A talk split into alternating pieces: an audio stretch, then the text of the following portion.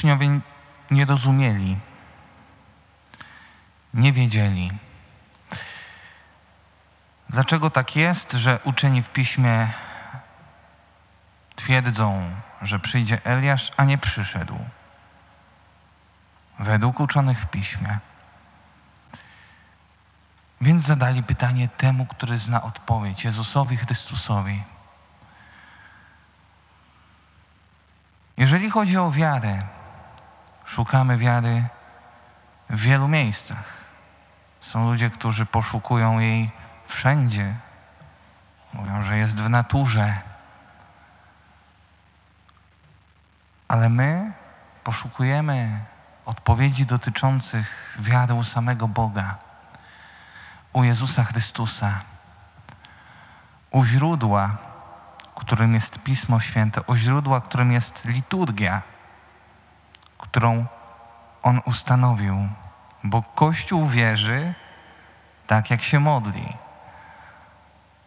Wszystko, co czynimy podczas liturgii, według konstytucji dogmatycznej, przepraszam, konstytucji o liturgii jest wyznaniem wiary. Wszystko jest wyznaniem wiary, ale jest jeden specyficzny moment podczas Eucharystii, kiedy faktycznie wyznajemy wiarę w konkretnych słowach. Jest to moment po czytaniach, moment po homilii, kiedy wyznajemy wiarę, wierzę w jednego Boga. Jest to wyznanie nicejsko-konstantynopolitańskie, bo powstawało na dwóch soborach w roku 325 i 381. Mamy jeszcze drugie wyznanie wiary, skład apostolski, który pierwszy spisany można datować na początek III wieku. Wyznanie wiary.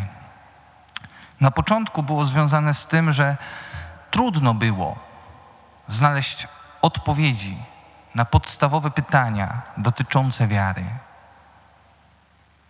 I ludzie wierzyli różnie. W różnych kościołach bywały różne błędy w wierze i nie wynikające ze złej woli tych, którzy przekazują, lecz wynikające z braku dostępu do tej wiary czystej, która pochodzi od Jezusa Chrystusa. Dlatego Dlatego ustanowiono wyznanie wiary, które miało stać na obronie tego, co wierzymy. Miało bronić podstawowych prawd, które są w naszej wierze. I faktycznie w tym krótkim tekście jest zawarte to, co jest najważniejsze w naszej wierze.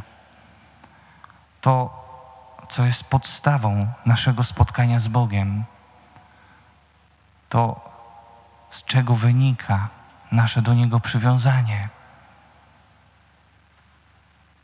Bo są zawarte prawdy o Bogu, który przychodzi do człowieka. Bogu, który ustanawia Kościół jako wspólnotę dążącą do zbawienia. Ale dlaczego wyznajemy teraz tę wiarę? No bo przecież już nie ma problemu z katechizacją. Nie ma problemu z tym, że jakieś źródła są niepewne. Kościół może bez problemu odpowiedzieć na pytania dotyczące wiary. To dlaczego? Na początku odczytałem fragment listu do Rzymian. I tutaj jest taki motyw, że jedni chcą Jezusa wyciągnąć, drudzy, drudzy chcą za Nim stąpić do otchłani, że różnie interpretują te słowa Boga. I święty Paweł podsumuje to, jeżeli ustami swoimi wyznasz, że Jezus jest Panem i w sercu swoim uwierzysz, że Bóg Go wskrzesił z martwych, osiągniesz zbawienie. Wyznanie wiary w Jezusa Chrystusa, wyznanie wiary które On nam daje,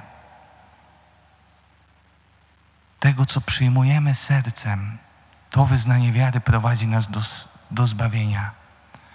Dlatego wcześniej słuchamy Ewangelii, czytań, dlatego homilia, żebyśmy w sercu przyjęli, żeby nasze serce zostało przemienione przez Słowo Boże, żeby to wyznanie wiary było wypowiedzeniem tego, co jest w nas. Potwierdzeniem tego, że wierzę tak, jak Pan Bóg do mnie mówi. Wierzę tak, jak Pan Bóg tego ode mnie wymaga, jak tego chce. Bo sercem przyjęta wiara prowadzi do sprawiedliwości, a wyznawanie jej ustami do zbawienia.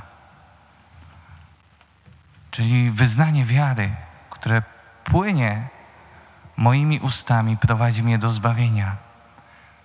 Ale nie może być pominięte przyjęte, przyjęcie sercem tej prawdy.